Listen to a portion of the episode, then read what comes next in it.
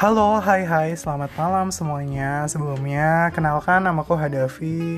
Di podcast ini nanti uh, aku mau cerita banyak hal sih soal uh, yang random-random aja. Uh, maybe nanti banyak ngebahas psikologi ataupun uh, karir sih di bidang HR. Gitu aja ya, stay tune di podcast ini. Bye.